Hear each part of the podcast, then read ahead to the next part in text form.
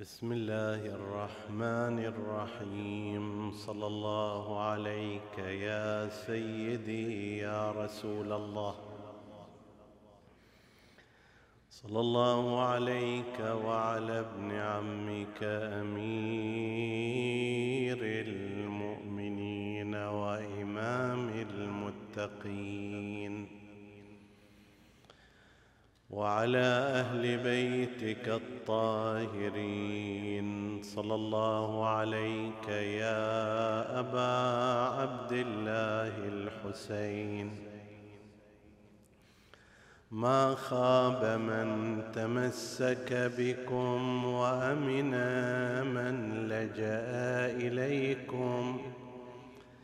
يا ليتنا كنا معكم. فنفوز فوزا عظيما. روي عن سيدنا ومولانا أبي عبد الله جعفر بن محمد. صلوات الله وسلامه عليه أنه قال والله إني لأعلم كتاب الله من أوله إلى آخره كأنه في كفي فيه خبر السماء وخبر الأرض وخبر ما كان وخبر ما هو كائن. إن الله عز وجل يقول ونزلنا عليك الكتاب تبيانا لكل شيء. صدق سيدنا ومولانا أبو عبد الله جعفر بن محمد صلوات الله وسلامه عليه. عطروا مجالسكم بذكر محمد وآل محمد.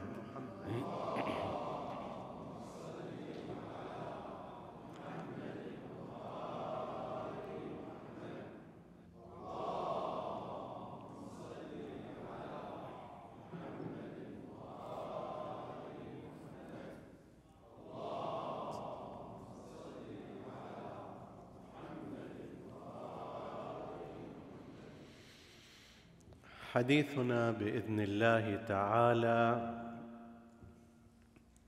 يتناول موضوع صفات الإمام في مدرسة أهل البيت عليهم السلام ونتناول في هذه الليلة جانب العلم.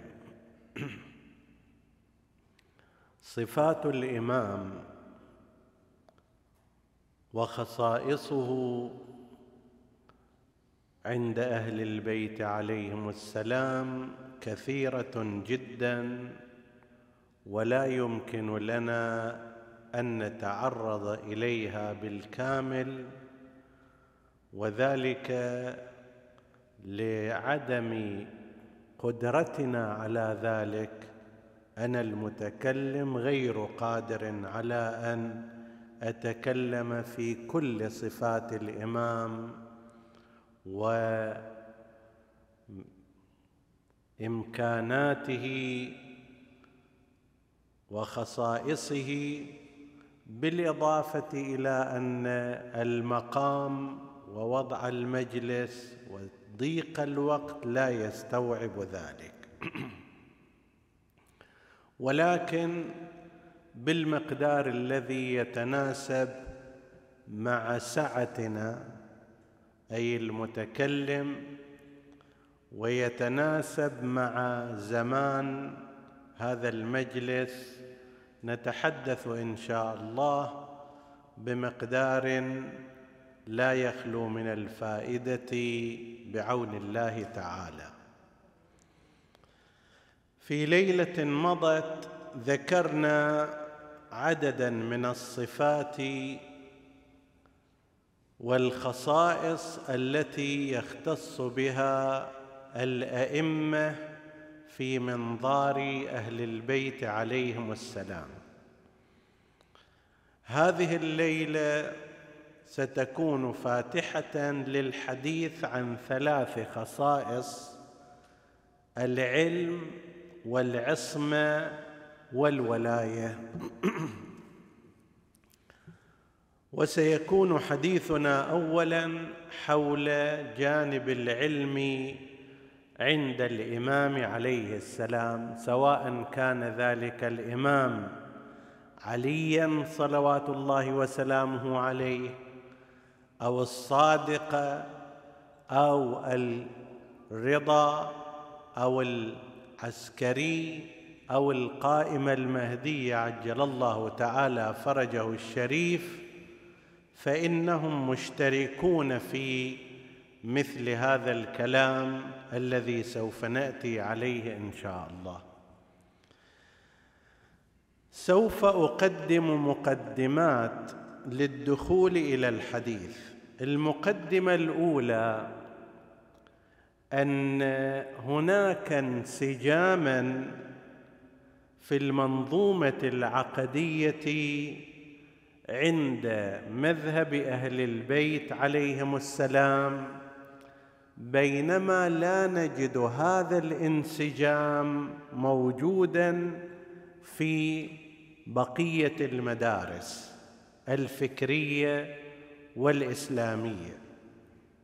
خل نجيب مثال فيما يرتبط بنا. كلا الفريقين مدرسة أهل البيت ومدرسة الخلفاء تقول بوجوب طاعة الإمام وحرمة مخالفته في كلا الطرفين. ذكرنا في ليلة مضت أن الإمام الذي هو بمقاييس مدرسة الخلفاء أيضا يقولون يجب طاعته ويحرم مخالفته ولا يجوز الخروج عليه ولا يجوز تغييره حتى لو ارتكب ذنبا بل يجب الطاعة وعدم المفارقة والالتزام بما يقول. وهذا تقدم الكلام. زين. هذا إمام في مدرسة الخلفاء يجب طاعته ويحرم مخالفته وربما استدلوا حتى بالآية المباركة وأطيعوا الله وأطيعوا الرسول وأولي الأمر منكم. جئنا إلى هذا الإمام في مدرسة الخلفاء في زمان بني أمية. في زمان بني العباس في أزمنة أخرى. هم لا يشترطون أن يكون أعلم الناس بل لا يشترطون أيضا أن يكون فقيها. فماذا لو طلبنا منه حكما شرعيا وألزمنا به؟ وكان هذا الحكم خاطئا كما حصل بالفعل تحريم متعة الحج مثلا تحريم متعة النساء مثلا قضية الميراث والعول فيها قضايا الحضانة بعض الأمور الإتمام في السفر في بعض الموارد كما هو في السفر من مكة إلى عرفات وغيرها. جمع المرحوم السيد عبد الحسين شرف الدين في كتابه النص والاجتهاد حوالي خمسين موردا من الموارد التي خالفت فيها الفتوى الرسمية للسلطان الحاكم والخليفة المتولي لسنة رسول الله ولكتاب رسول الله. خمسين مورد. وهو ما كان يريد يستوعب كل لا بس الفترة الأولية ما له أربعين سنة وإلا إذا كان يريد يواصل المشوار إلى الأخير فلا بد أن يعد بالمئات. إجينا في مثل هذا الأمر من جهة هذا الحكم مخالف للكتاب الذي قاله هذا الحاكم هذا الإمام على وفق مدرسة الخلفاء مخالف للسنة خطأ.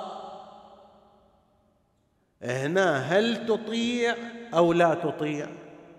إذا لا تطيع نقضت القول وأطيعوا الله وأطيعوا الرسول وأولي الأمر منكم وأنه يجب على الناس طاعة الإمام وعدم مخالفته. تقول لا نطاوعه في المعروف في الحق. زين.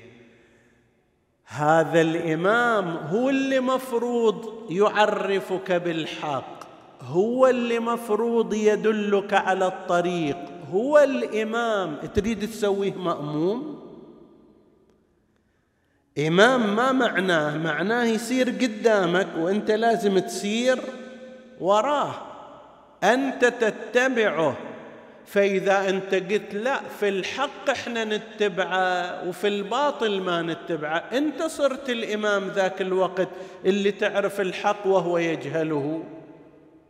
فصار الإمام مأموما والمأموم إماما. الطاوعة على كل حال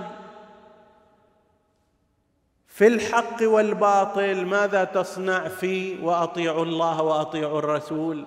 عفوا ماذا تصنع إذا لم تطعه؟ ماذا تصنع في وأطيعوا الله وأطيعوا الرسول وأولي الأمر منكم؟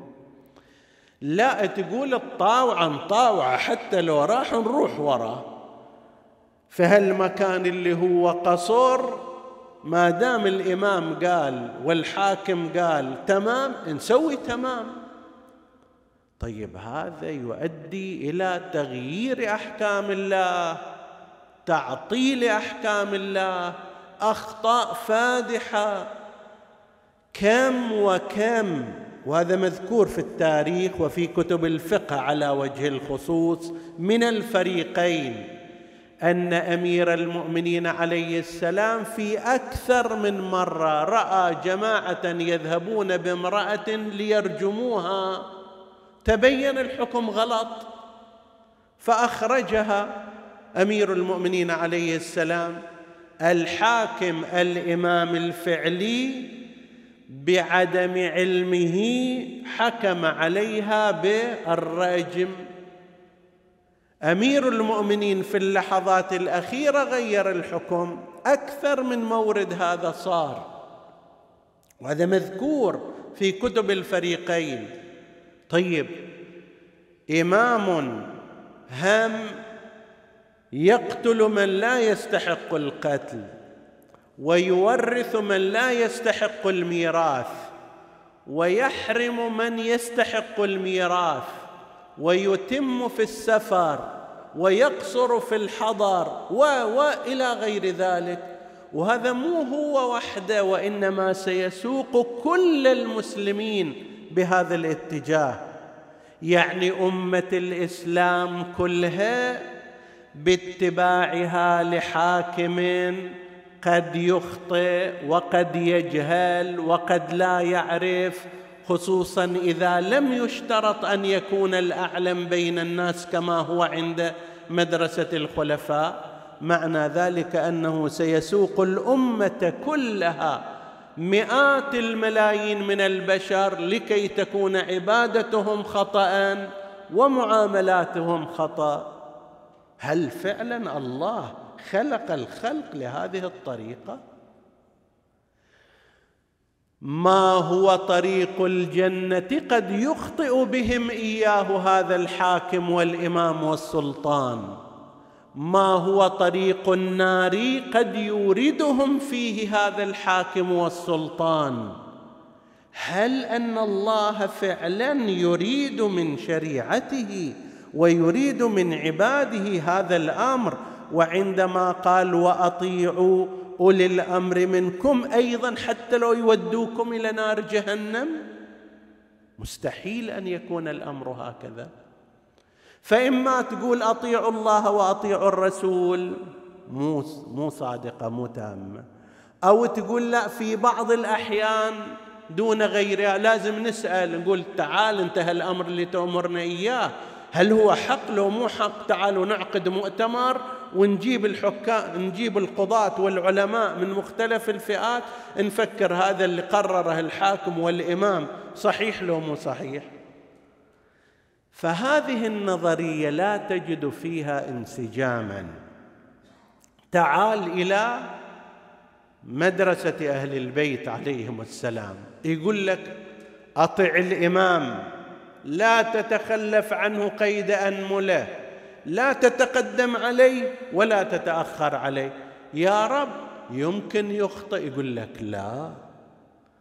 الخطأ إن كان من جهة علمية الإمام لا يخطئ لأنه محيط بعلم الكتاب وما فوق الكتاب كما سيأتي بعد ذلك. هو أعلم الناس. والله يقول الإمام الصادق إني لأعلم ما في الكتاب من أوله إلى آخره كأنه في كفي. وين يصير خطأ ماكو هذا إذا كان جهة علمية إذا كان جهة عملية. يجي هنا كلام عن العصمة. إمامك معصوم. لا يمكن أن يرتكب ذنبا لا بالعمد ولا بالخطأ ولا بالسهو ولا بالنسيان. لذلك أنت أطعه مطلقا في كل أحواله. في كل أوامره لا تتوقف لحظة واحدة لا تتقدم عليه ولا تتأخر عليه. ماكو هناك احتمال ولا واحد في المليار من الخطأ. إذا خطأ علمي ماكو خطأ علمي لأنه أعلم الناس بالكتاب ومحيط بالشريعة برمتها من أولها إلى آخرها. فما يمكن أن يتصور في قضية شنو؟ خطأ علمي. خطأ عملي أيضا العصمة موجودة ذاك الصوب فلا يخطئ لا يرتكب ذنبا لا يسهو لا ينسى لا يتعمد كل هذا أنت محرز فأنت إذا تسير أمام بيضاء واضحة كالشمس اللائحة في العلم وفي قمة العصمة في جهه العمل. لذلك أطيعوا الله وأطيعوا الرسول وأولي الأمر منكم على القاعدة. فرق بين هنا وبين هناك ما هو؟ هناك يقول لك أطيع الأمير بس يمكن الأمير يوديك إلى نار جهنم. أطع الأمير بس الأمير الإمام من الممكن أن يخطئ في أحكامك الشرعية. يسوي لك بدع ما أنزل الله بها من سلطان. مو بالضرورة متعمد لا لا يعلم. ما يعرف الأحكام الشرعية. لا يحيط بعلم الكتاب. فهناك أنت تلاحظ أمر اطيعوا اولي الأمر منكم لا ينسجم مع آمر أنه هذا مو شرط أن يكون أعلم الناس. مو شرط أن يكون معصوما. فأنا إذن مو شرط أن يوديك بدل الجنة إلى نار جهنم. هذه أول نقطة وهي الإشارة إلى الفرق بين مدرسة الإمامة وأهل البيت حيث أن الانسجام حاصل بين أفكارها ومبادئها يرتبط أمر طاعة الإمام بأمر إحاطته العلمية كما يرتبط بأمر عصمته العملية. بينما لا نجد هذا الانسجام موجودا بين أفكار ومبادئ مدرسة الخلفاء. هذه النقطة الأولى. النقطة الثانية التي أريد أن أشير إليها وهي مهمة في معرفة علم أهل البيت عليهم السلام أنه تم تعظيم العلم البشري بشكل كبير عند الناس وتهوين أمر العلم الإلهي. فلما تقول إلى انسان مثلا علم الكيمياء علم الفيزياء شكل يفتح عيونه زايد طيب اليوم أحد المؤمنين كتب لي سؤال ما أدري إذا كان حاضر في المجلس أو لا أنه أنا أتناقش مع أحد أصحابي فيقول أن علم الإمام الصادق هو لزمانه مو مال هالزمان. مثلا الإمام الصادق ممكن ما يعرف الآن في الكمبيوتر زايد.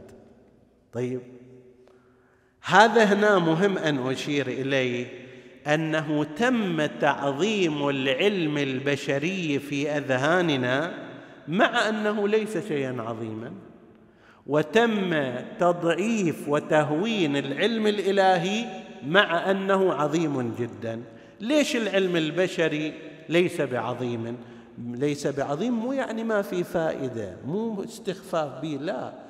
ولكن العلم البشري من أي نوع كان يستطيع كل إنسان بمقدار من الجهد أن يصل إليه؟ كمبيوتر اللي أنت متعاظ منه كما تقول.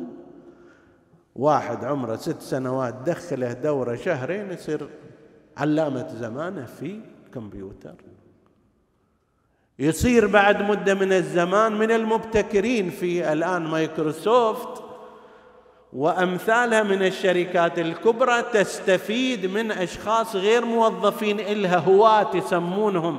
في اكتشاف ثغرات في توسعة برامج في كذا. يعني صاروا أشطر هذولا من الموظفين الأصليين. ليش؟ لأن مآخذ هذا العلم مآخذ معروفة. أنت تقدر تدرس فترة من الزمان توجه ذهنك يصير عندك معلومات قد تفوق أستاذك. كيمياء وفيزياء وأحياء وفلك وعلم طبقات الأرض وما أدري كذا وكذا. كل هذه العلوم مآخذها مآخذ يسيرة سهلة ولذلك تتعلم في الجامعات. أي واحد يتخرج من الثانوية إذا كان معدله معقول وذهنه نظيف يقدر يروح في أي تخصص يتخصص. صحيح ولا لا؟ مما يعني أن بإمكان هذه بإمكان الإنسان في هذه العلوم أن يتوصل إليها. الشيء اللي أعظم من ذلك؟ هو ما لا طريق له ولا مدخل له إلا بحبل من الله.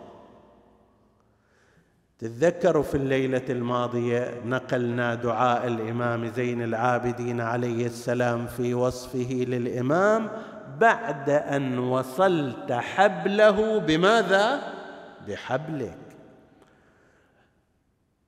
العلم الذي لا طريق له إلا الله هذا العلم العظيم. هذا العلم اللي ما حد يقدر يوصل إليه.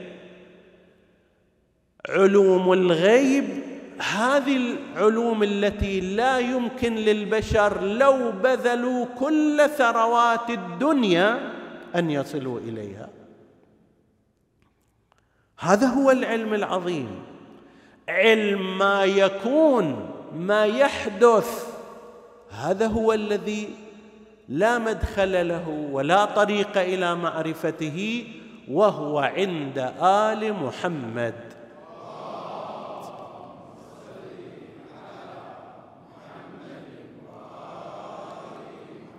نقطة ثالثة حتى أرجع إلى حديث الإمام الصادق عليه السلام وهو أن من جملة الأشياء التي جعلتنا نستغرب بعض العلوم لدى أهل البيت عليهم السلام. أننا أو بعضنا فصل للإمام ثوبا على مقاسه هو. أنا خطيب مثلا شقد أدرك من الإمام؟ أقول الإمام ثائر ومصلح اجتماعي. طيب الثائر والمصلح الاجتماعي يعني يريد يغير أوضاع المجتمعات. أما علم الغيب ما إلى ربط فيه؟ أما علم ما كان وما يكون وما هو كائن إلى يوم القيامة شنو ربط فيه؟ أما علمنا منطق الطير شنو ربط فيه؟ المصلح الاجتماعي ما يحتاج الثائر ما يحتاج إلى هذه الأمور. ثائر زيد بن علي بن الحسين ثائر وثائر مصلح.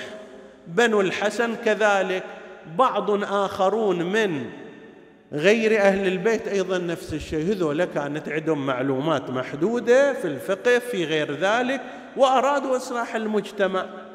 أنا لما إجيت حاولت أن ألبس الإمام المعصوم هذا الثوب اللي أنا خيطته وأنا نسجته على مقاسي وعلى مقاس آخرين ضيعت المقاس الحقيقي للإمام عليه السلام.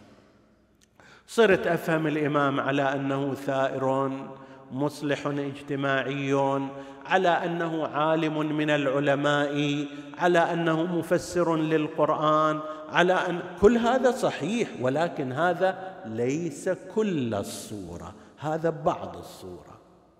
فلا تقيس كيف الإمام يعلم الغيب؟ كيف يعلم هذه العلوم المترامية الأطراف؟ أنت فصلت ثوب على مقاسك وعلى مقاس العلماء اللي سمعت عنهم وعرفتهم وعاشرتهم. الإمام شيء آخر. طيب هذه المقدمات أراها ضرورية للدخول إلى الحديث بعد الصلاة على محمد وآل محمد.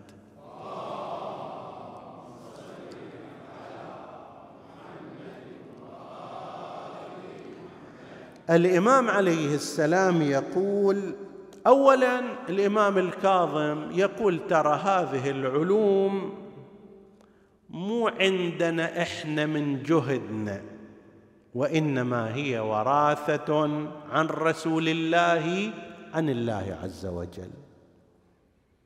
هاي مو علوم كسبية رحنا الثانوية والجامعة وتعلمناها ورحنا مسجد المدينة وتعلمنا من زيد وعبيد. لا. والله يقول الإمام عليه السلام الكاظم لمن سأل يقول والله ما أخبرك إلا عن رسول الله عن جبرائيل عن الله عز وجل. فلا تتصور تقول لي أنه يمكن هكذا ويمكن كذاك ولعل الأمر هكذا. ممكن هناك اشتباه؟ لا لا. كما تقرأ القرآن هذا كلامي. طيب. أما في السعة فحديث الإمام الصادق عليه السلام يقول والله إني لأعلم كتاب الله من أوله إلى آخره كأنه في كفي. حتى لا واحد يروح بعيد وزايد.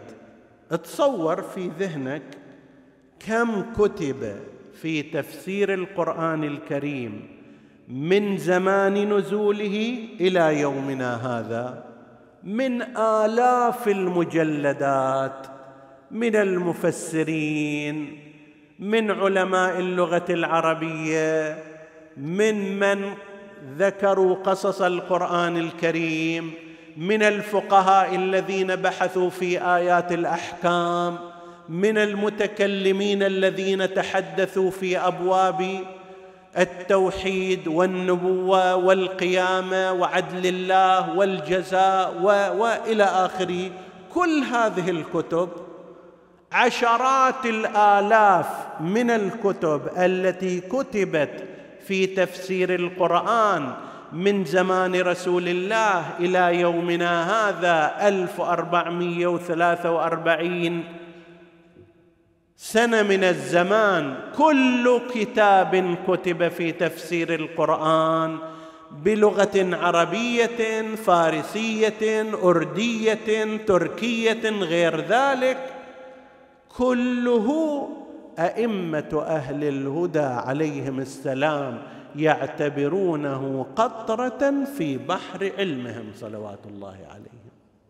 مع أن في بعض هذه الكتب ظنون وأخطاء ولكن علمهم هو السلسبيل الصافي. خذها من عين صافية. هذا بالنسبة إلى الإمام. زين كيف هذا؟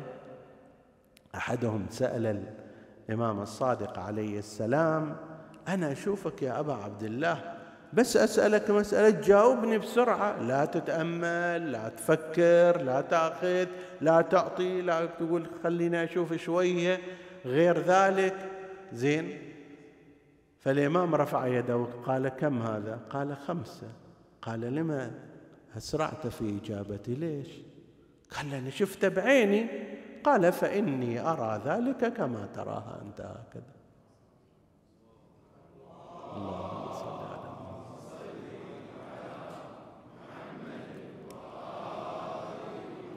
فيه خبر السماء وخبر الأرض. خبر السماء ما في أحد من الفقهاء غير المعصومين عليهم السلام يستطيع أن يقول سلوني عن خبر السماء. ما في أحد لا سابقا ولا لاحقا. الآن شنو قاعد يصير في السماء ما ندري. ملائكة شو يسوون؟ لا نعلم. فلان وين رايح وفلان وين جاي؟ لا نعرف ذلك. طيب. لكن خبر السماء كله عند أهل البيت عليهم السلام. وخبر الأرض أيضا كذلك. خبر الأرض هل معناه ما يحدث في الكرة الأرضية؟ من أمور من قضايا من شؤون؟ هذا رأي عند قسم من العلماء. بعضهم في هناك رأي يقول أنه ليس هناك حاجة للإمام إلى أن يعلم مثلا الآن ما يجري في أمريكا أو ما يجري في المكان الفلاني الآخر. فاذا ما دام ماكو حاجة فاذا لا يملكه الإمام. نقول لا الإمام لو شاء علم. عنده قدرة. أنا لو شئت لا أعلم. تحت الأرض شو يصير؟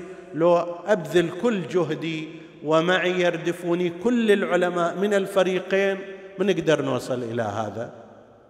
لكن من عنده حبل من الله عز وجل وصل حبله به يستطيع ذلك وهو إتمام لحجته على البشر. لأنه لو سئل بعض المسائل من هالنوع ثم لم يجب في ذلك تسقط حجيته أمام الناس. وخبر الأرض وخبر ما كان كل هالتاريخ البشري. ما نزل على الأنبياء. مواريث الرسل هذا في حديث صريح في ذلك. أنه ما كان عند آدم ما كان عند نوح ما كان عند إبراهيم ما كان عند موسى ما كان عند عيسى.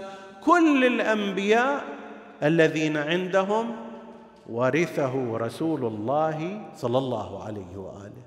وورثناه يعني الأئمة من رسول الله. خبر ما كان وخبر ما هو كائن. لعل بعض الناس شوية يكون ثقيل الأمر عليه. وبالفعل في التاريخ هم صار هالشكل. يعني يستكثر. هذا اللي قدامي لا طوله أطول مني ولا عرضه اعرض مني ولا كذا. يحيط بكل هالعلوم هذه. هي المشكلة في وين؟ استعظمنا ما ليس بعظيم. تاريخ الأنبياء تاريخ الكرة الأرضية. شنو؟ علم بسيط من الممكن أن يتعرف عليه الإنسان من خلال الدراسة. الموسوعات العلمية الكبيرة. أكو طريق له العلم الحقيقي هو ما لا طريق له إلا الله عز وجل. فلا تستكثر أنت أنه فلان علم كيف يعني في الفضاء؟ شلون علوم الذرة؟ شلون علوم يابا بعض الناس البسطاء العاديين يحيطون بهذا العلم ويبرعون فيه. من أتباع أهل البيت عليهم السلام عندنا قامات علمية ضخمة تعلموا بالطرق الاعتيادية وأخذوها من مآخذها وبرعوا فيها. بس الإمام الذي يعلم علم ما كان وما يكون وما هذا علم الله. علم الله أودعه هذه الصدور أودعه هذه الأذن الواعية. وهذا مو بلا حكمة لا وإنما من أجلك أنت أيها المؤمن ومن أجلي حتى إحنا نعرف من هو إمام الحق من غير إمام الحق ونتبع هذا إمام الحق حتى يودينا إلى رضوان الله عز وجل وعلم ما يكون. فهذا لما يستغرب يجيب له الإمام شيء طيب خاطره. يقول له زين تقرأ القرآن. ونزلنا عليك الكتاب تبيانا لكل شيء. استقريت الآن. زين. تبيانا لكل شيء هم شنو معناها؟ هل معنى ذلك أن القرآن فيه كل شيء؟ فيه الآن مثلا ما يحدث في استراليا في ما أدري الساحه الفلانيه هذا هم في القرآن في الكتاب. كيف فيه تبيان تبيانا لكل شيء؟ هذا يحتاج إلى بحث خاص. أساسا هل الكتاب هو المقصود القرآن؟ لو الكتاب هو علم الله المكتوب وجزء منه القرآن الكريم. هذا بحث جدا طويل ومفصل. البعض يذهب إلى أنه لا الكتاب إذا جاء مثل ذلك الكتاب لا ريب فيه عن القرآن. بعضهم يقول لا وكل شيء أحصيناه في إمام مبين في كتاب مبين في آية أخرى. طيب هذا يتبين أن هذا الكتاب شيء آخر أعظم أكبر. طيب نزلنا عليك الكتاب هل هو هذا القرآن الكريم؟ لو لا علم أكبر من ذلك. قال الذي عنده علم من الكتاب. هل هو علم من القرآن أو لا؟ من ذلك الكتاب الآخر اللي القرآن منه أيضا. زين هذا يحتاج إلى بحث. على كلا التقديرين إن كان الكتاب بمعنى القرآن الكريم وأن فيه تبيانا لكل شيء ولكن يعتمد على المستخرج والمستكشف والمستنبط مثل ما تحت رجلك ورجل آبائك وأجدادك. البترول تمشي عليه مدة مئات السنوات وأنت لا لا تعرف عنه فيجي لك واحد يستخرجه من نفس الأرض. كذلك يأتي من يستخرج من هذه الآيات التي أنت تقرأها في كل وقت ما لا تستطيع أن تستخرجه هذا يحتاج إلى إلى مستخرج خاص. إنما يعرف القرآن من خوطب به يعرفه بتمامه وكماله وأطرافه وبهذا المقدار من المعرفة. وإلا بسم الله الرحمن الرحيم كل إنسان يعرفها. أو لا المقصود أنه لا ذلك الكتاب الخاص العلم الإلهي الذي منحه الله لخاصة أوليائه. زين. هذا إذا حديث يشير إلى بعض أقسام علم الأئمة عليهم السلام. تجي إلى آية أخرى. هذه الآية في ترجمة وذيل قضية آصف ابن برخيا في القصة المعروفة قال عفريت من الجن أنا آتيك به قبل أن تقوم من مقامك. ذاك عاصف بن برخية شاف أنه لا الشغلة تطول قبل أن تقوم من مقامك يمكن بعد نص ساعة بعد ساعة. قال الذي عنده علم من الكتاب أنا آتيك به قبل أن يرتد إليك طرفك. رمشة عين.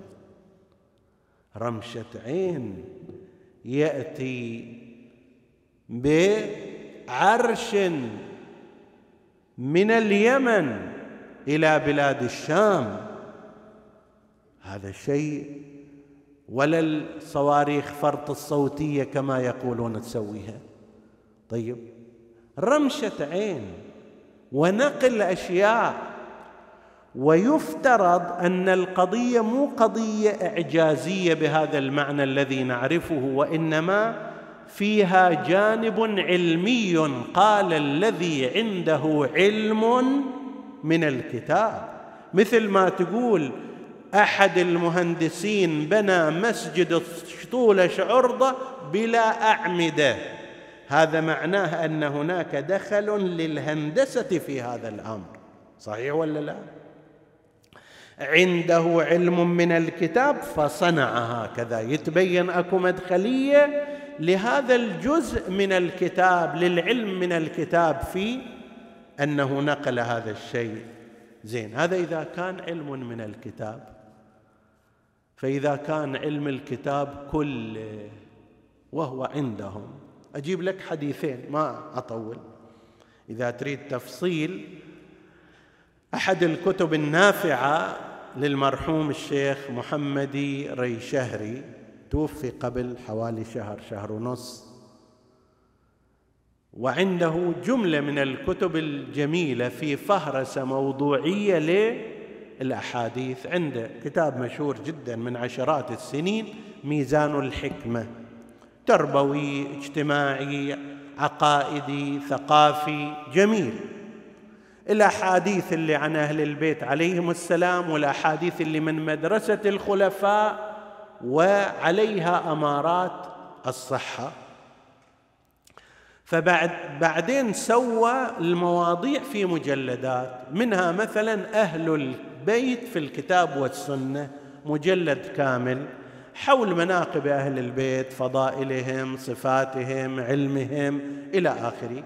من جملة ما أورد من الأحاديث حديث عن أبي سعيد الخدري. أبو سعيد الخدري تكلمنا إحنا عنه في هذا المسجد المبارك السنة اللي تكلمنا عن أصحاب النبي. أي كم سنة إحنا؟ نربط الأمور بالنبي عترة النبي سنة النبي أصحاب النبي أسرة النبي. أكو كتاب أصدرناه بعنوان أصحاب النبي تكلمنا فيه أيضا عن أبي سعيد الخدري وله روايات كثيرة مهمة فيما يرتبط بحقانية أهل البيت عليهم السلام. منها هذا الحديث الذي ينقله في هذا الكتاب أنه سأل النبي أبو سعيد سأل النبي صلوات الله وسلامه عليه عن قول الله عز وجل قل كفى بالله شهيدا بيني وبينكم ومن عنده علم الكتاب تفسير الرسمي غير الصحيح في تقديرنا. يقولون هم أحبار اليهود. روحوا اسألوا أحبار اليهود أن النبي على حق لو مو على حق. الحديث عن الإمام اذا يكذبوهم. قول لهم لا مو صحيح. كما فعلوا بالفعل. فمن هو هذا الشهيد الذي عنده علم الكتاب؟ يا رسول الله قال رسول الله لأبي سعيد الخدري ذاك أخي علي بن أبي طالب.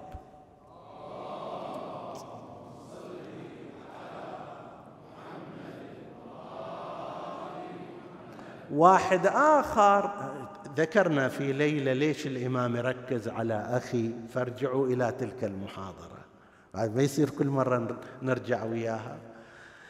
أحدهم يسأل الإمام الصادق عليه السلام عن قضية آصف ابن برخية. قال الذي عنده علم من الكتاب من هذا؟ فدشي عظيم. فقال هو آصف بن برخية. ثم بسط يده. قال وعندنا علم الكتاب كله إذا ذاك عنده علم من الكتاب شيء من الكتاب إحنا ترى عندنا علم الكتاب كله. ذاك وصي وهؤلاء سادة الوصيين عليهم السلام. فهذا واحد عندهم تأويل القرآن. الفقهاء المسلمون المتكلمون المسلمون المفسرون المسلمون لا يدعي منهم أحد أن عنده تأويل القرآن. يمكن يأول بعض الآيات على وجل. تفسير عندهم توضيح عندهم لغة عربية عندهم قصص الأنبياء عندهم في القرآن لكن تأويله مصاديقه نهاياته ما يؤول إليه. هذا ليس عندهم إلا نادرا وفي بعض الآيات ويتقون ما يسوون هذا أيضا. لكن عند أهل البيت يقولون الباقر يقول إن الله علم نبيه صلى الله عليه وآله التنزيل والتأويل وعلم النبي عليا وعلمنا علي ذلك كله. هم تأويل وهم تنزيل. واللي عنده تأويل القرآن بعد يستطيع أن يعرف ما يجري من خلال القرآن الكريم. علمهم باللغات هذا شيء في تقديرنا بسيط ولكن تعمدت أنا أجيبه حتى لا واحد يفكر إنه معقولة يعني يدري الإمام عن الكمبيوتر والمعلوماتية واللغة الإنجليزية والفرنسي بعد؟ شلون يعرف يعني يتكلم؟ يا علمنا منطق الطير. اللغات إليها طريق. أي واحد يقدر أنت باكر تقرر أن تتعلم الفرنسية والإنجليزية والتركية والأردية تسجل في دورات. خلال سنة أنت متعلم عشر لغات. إذا كنت راغبا وجادا في ذلك. مو شغلة مهمة زايد. بس قسم من الناس يستعجب ويستغرب وهو بالفعل إذا كان من غير تعلم لا بد أن يكون بحبل من الله. انقل لك حادثة ما عندنا وقت زايد. الإمام الرضا عليه السلام تولى الامامه وكان هارون العباسي لا يزال على قيد الحياة بعد أن قتل والده الإمام موسى بن جعفر. صارت طبعا مشكلة أن قسم من الناس منتفعون ومصلحيون. قالوا موسى بن جعفر ما مات الواقفة قالوا موسى بن جعفر ما مات فاذا علي بن موسى مو إمام. عندنا إشكالات إحنا. فزار الإمام أحد شيعته من الكوفة وقال له ترى الناس خبصة عندنا هناك. فقال له قل لهم أنا بعد ثلاثة أيام أجي عندهم خلي يجتمعون اللي عنده سؤال اللي عنده كذا أعطيهم ما كان يعطيهم. والدي موسى بن جعفر فرح هذا من فوره وأخبر شيعة أهل البيت ترى الإمام واصل فلان يوم واللي عنده شيء هذا يجي عنده شاك عنده شبهة عنده تحدي خليه يقول. فقالوا له إحنا أول شيء قبل الإمام نسمع عنك أنت أنت تقول أن الإمام يعرف اللغات؟ قال نعم يعرف كل اللغات. قال من وين يعرف هذا اللغات؟ في المدينة قاعد. وش عربه؟ في الفارسية والتركية والهندية. ما عندنا سؤال إلا هذا بس. هونا ما نبغى بقية الأسئلة. إذا جاوب هذا انتهى الموضوع وما يخالف. فجمعوا لهم غلمانا حبشيين وروم وفرس هاي ثلاث لغات. فلما جاء الإمام عليه السلام قال له قبل المسائل هذا صاحبك يزعم أنك تعرف لغات هؤلاء كلمهم. فأخذ يكلم الفارسية بلغته والرومية بلغته وكل يعطيه ما عنده. زين والحبشي وذولا فاكين عيونهم لما خلص وياهم قالوا ما رأينا أحدا يتكلم بلغتنا أفضل منه يعني هو أحسن منا يعرفها. طيب. هذا متى راح؟ أي معهد درس؟ مع من تعاشر إلى هالدرجة التي يعرف فيها هذه؟ وهذه مو واحدة ولا اثنين. على أننا نعتقد أن مثل هذا الأمر أمر بسيط لأن هذه من العلوم التي لها طريق لها مدخل. أنت تقدر تتعلم حبشي ورومي وفارسي وتركي وإلى غير ذلك. الأهم من ذلك علمنا منطق الطير الحيوانات العجماوات. طيب هذه عندما يخاطبها الإمام ويفهم لغتها لأن هذا يعتمد على علم من الله عز وجل. وأخيرا حتى لا يطول بنا المقام علمهم بالمستقبل والغيب. العلم الدقيق الواقعي بما هو كائن بما سيحصل. لعلك تقول هذه فولقل بالغارية أيضا عندها تنبؤات وقالت بصير كورونا وصار وقالت بصير كذا وكذا وعندنا هم خصوصا في بداية السنوات الميلادية تعالوا اسمع التنبؤات. أولا هؤلاء لا أحد منهم يقول قطعا يحصل حتى نفسه هو ما يقول حتما يحصل. يقول حسب الحسابات حسب المعادلات حسب الكذا يحصل كذا. واحيانا هم تصير أمور غائمة حتى تحتمل أكثر من تفسير. أما يجيبها بالتفاصيل وبالتاريخ وبالدقيقة لا. والذي يحدث منها عادة أقل من خمسة في المئة من التنبؤات. لم يحصل في تاريخ البشر أن كل تنبؤات المتنبئين حصلت. هذا مستر داموس اللي يتحدثون عنه. من زمانه يلقطوها واحدة واحدة وهي ما موصلة إلى كل الأحداث التي قالها. لكن العلم الحقيقي هو أن يقول غلبت الروم في أدنى الأرض وهم من بعد غلبهم سيغلبون.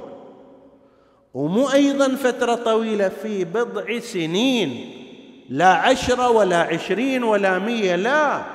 عدة سنوات خمس ست سبع سنوات بس. إذا ما حصلت يكون هذا خبر كاذبا. مهم أظن يحتمل ولعله سيغلبون. الإخبار المستقبلي الإلهي هو هذا. الأئمة عليهم السلام عندهم هذا النوع. مو أيضا من عندهم لا إنما هو تعليم من الله. وهاي من ميزاتهم كلما زادوا علما زادوا ضعة أمام الله عز وجل. ما يقول لك أنا أعلم لا يقول من عند الله. مو من عندي أنا من عند رسول الله. ورسول الله من ربه.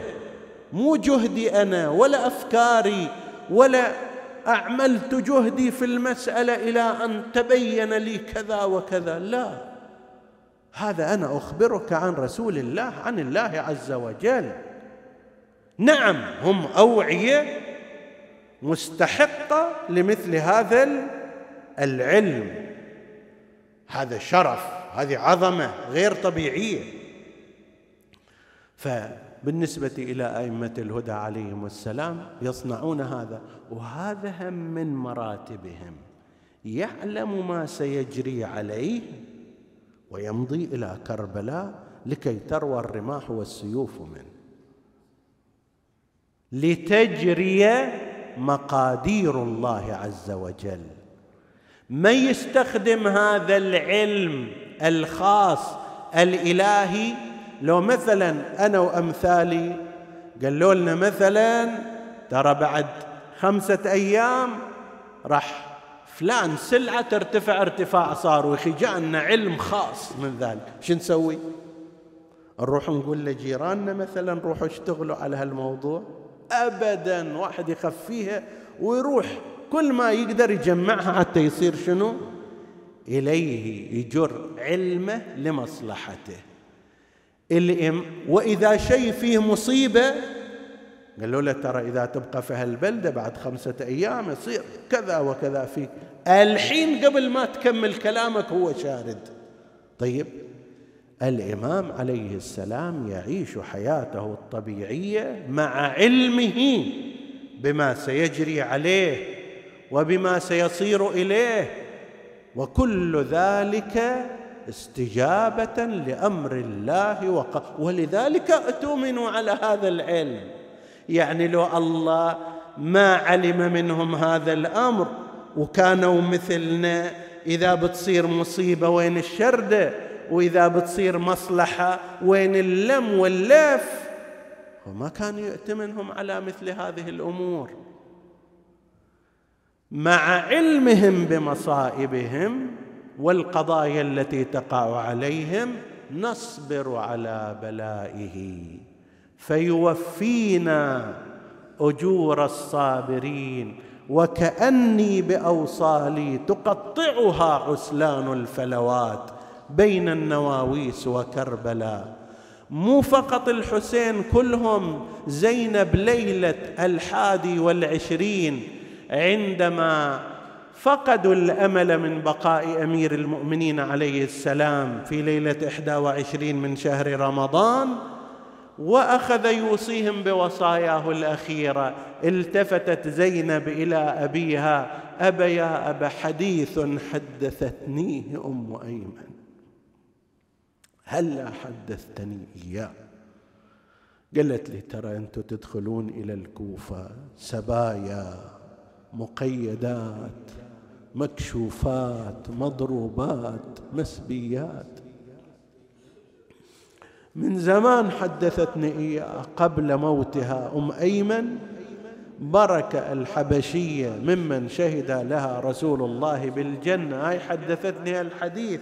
وعدها خبر عنده لعله من رسول الله أو منك يا أمير المؤمنين فأريد أسمع منك قل لها لا ترى أنا في آخر حياتي لعله ما يقدر يقوله الإمام لزينب عليه السلام قال الحديث كما حدثتك أم أيمن يا زينب كأني بك وبنساء أهلك تدخلين إلى هذا البلد سبايا على.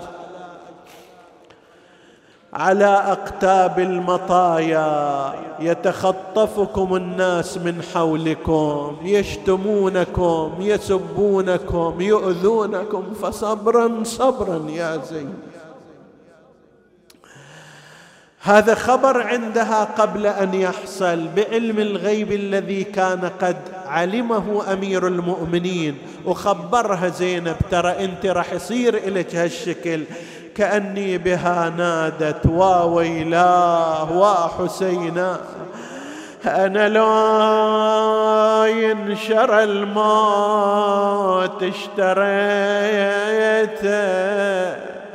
أنا يا مشيت درب الماء مشيت. أنا شتال خيرا فجيت يا أمير المؤمنين إذا وحدة ترافق أخوها وحاميها والحنون ترى أنا رافقت من قتل أخي وتهجم علي. أنا جتال خيرا فجيت يا شتم والدي وانكر وصيت وصلت إلى الكوفة خرج الناس يتفرجون. نادت النساء أي السبايا أنتن؟ قالت نحن سبايا آل محمد. نحن سبايا آل محمد. فقامت بعض النساء تعطي الأطفال والصغيرات بعض الخبز والتمر وبعض الآكل. فجاءت زينب وأم كلثوم تخرج تلك الأطعمة من أفواه الأطفال. أيها الناس إن الصدقة حرام علينا آل البيت. ترى إحنا أهل عز أهل شرف. نحن أبناء رسول الله. يا تتصدق الوادم علينا. وعطايا الخلق كلها من دين. ما خاب ظن اللي يعتنينا يظل كل سنة ويروح ويجينا. حساف الدهر هالخان بينا؟ ولينا نذبح وحنا انسبين هذه زينب ومن قبلك بفناء دارها تحاط الرحى أمست اليوم واليتامى عليها يا لقومي تصدقوا الأنذار نسألك اللهم وندعوك اغفر لنا ذنوبنا. كفر عنا سيئاتنا. آمنا في أوطاننا. لا تسلط علينا من لا يخافك ولا يرحمنا. ولا تفرق بيننا وبين محمد وآله طرفة عين. فض اللهم إخواني السامعين فردا فردا واقض حوائجهم. اشف اللهم مرضاهم لا سيما المنظورين ومن أوصانا بالدعاء. وتقبل اللهم عمل المؤسسين بأحسن القبول إلى أرواح موتاهم وموت السامعين نهدي ثواب الفاتحة تسبقها الصلوات.